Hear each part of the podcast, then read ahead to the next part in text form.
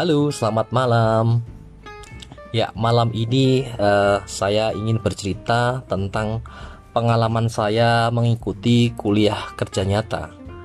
Ya, sekitar tahun 2007 uh, eh, saya mengikuti kegiatan KKN di sebuah desa di perbatasan Jogja dan Jawa Tengah. Dan uh, eh, KKN di kampus saya sebenarnya umumnya dilakukan selama tiga bulan full ya, tiga bulan penuh namun karena KKN saya ini termasuk KKN bencana, jadi hanya dilaksanakan selama dua bulan saja. Kenapa disebut KKN bencana? Karena di Jogja dan sekitarnya waktu itu pada tahun 2006 terjadi gempa bumi yang sangat hebat dan memakan banyak korban dan daerah saya KKN ini termasuk daerah yang terdampak gempa.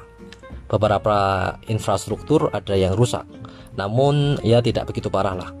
Kami termasuk apa ya gelombang kedua. Jadi gelombang pertama KKN itu bertugas untuk membantu proses evakuasi dan keadaan darurat di daerah gempa.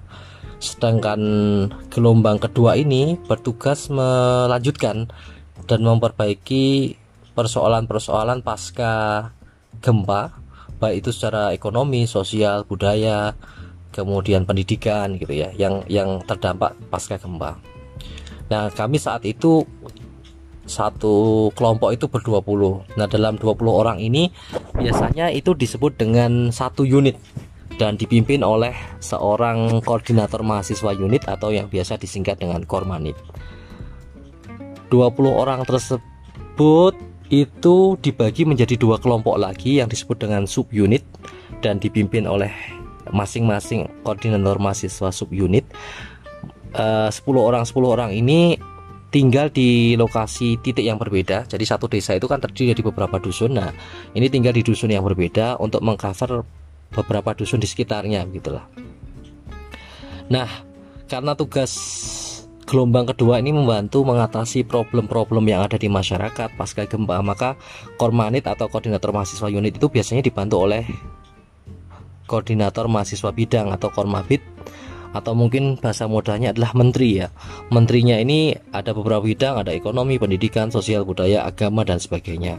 Nah, kebetulan saya ditunjuk sebagai Kormabit Sosbud sosial budaya karena jurusan saya sosial entah apalah mereka menuju saya menjadi koordinator mahasiswa bidang sosial kemudian kebetulan karena kami memang di KKN ini terdiri dari berbagai jurusan ada yang ekonomi ada yang hukum ada yang teknik kimia, teknik elektro. Jadi kami tinggal bersama di rumah penduduk dan melakukan kegiatan pengabdian itu selama dua bulan full.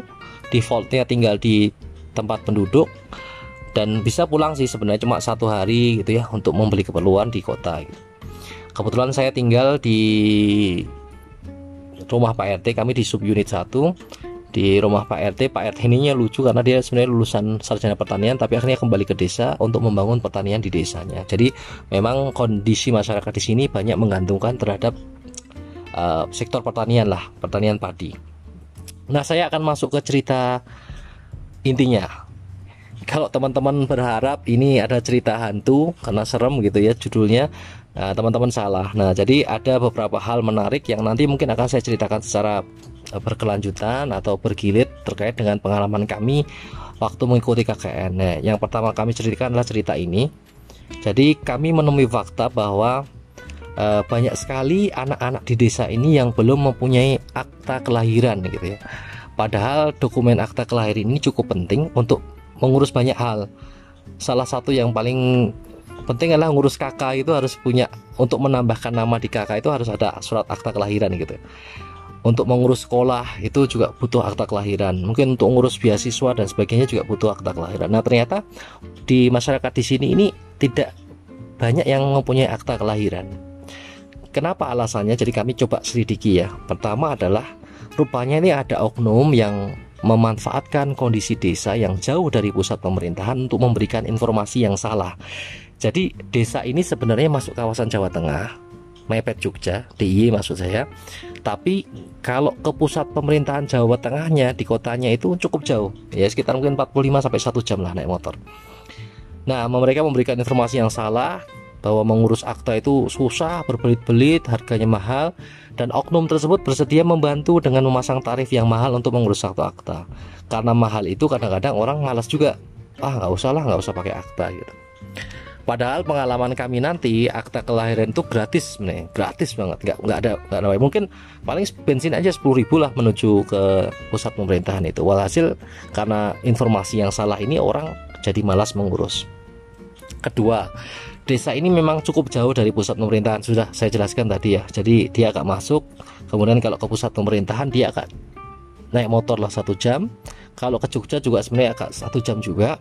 Jadi di tengah-tengah gitu uh, ini membuat mereka yang petani juga malas juga untuk mengurus kadang ya, kadang-kadang siang mereka bertani padahal kalau mengurus akte itu kalau agak siang sedikit itu sudah rame sudah panjang gitu ya sehingga mereka akhirnya malas ya dibiarkan sampai akhirnya tidak terurus.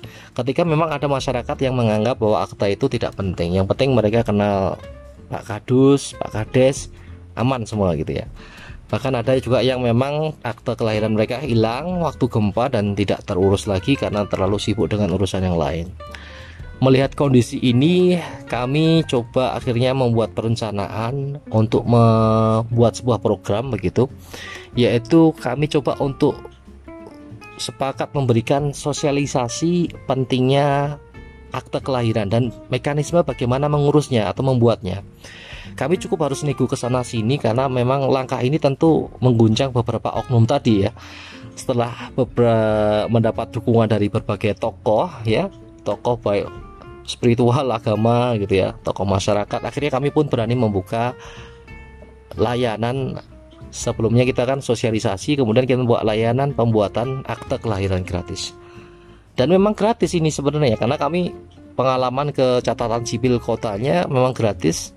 Dan di sana kita ketemu unit lain yang sama juga kejadiannya bahwa ada beberapa desa yang memang tidak anaknya tidak mempunyai akte kelahiran. Dan kita saling diskusi lah. Memang kondisinya banyak seperti itu. Akhirnya kami sosialisasikan dokumen apa yang harus dipersiapkan oleh warga dan ternyata animonya ini luar biasa. Setiap hari kami bisa membantu melayani 10 sampai 20 akte kelahiran. Ini cukup banyak bagi kami. Dan di akhir KKN kami bisa menyelesaikan lebih dari 150 akte kelahiran secara gratis walaupun sebenarnya kita bayar juga karena kan ini program kami jadi memang kami gratiskan bayar itu bayar transport naik motor ke sana gitu. Alhamdulillah kami bisa membantu lah menyadarkan warga desa tentang pentingnya dokumen hukum ini ya.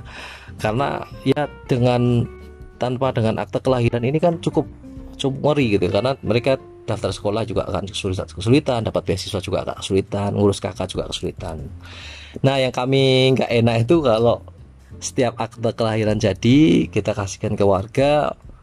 Besok paginya warga itu pasti bawa makanan kadang bawa kelapa.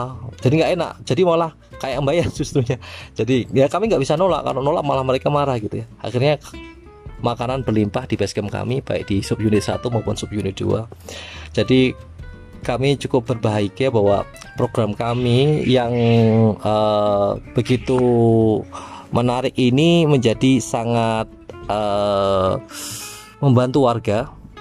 Dan next mungkin saya akan bercerita tentang cerita serem lainnya di KKN ada beberapa problem juga yang coba kami selesaikan di KKN nah bagi teman-teman yang punya pengalaman KKN bisa sharing juga terkait dengan pengalaman KKN-nya terima kasih selamat malam. Semoga menikmati podcast ini uh, bisa menjadi uh, insight bagi teman-teman memberikan manfaat yang lain terima kasih. Assalamualaikum warahmatullahi wabarakatuh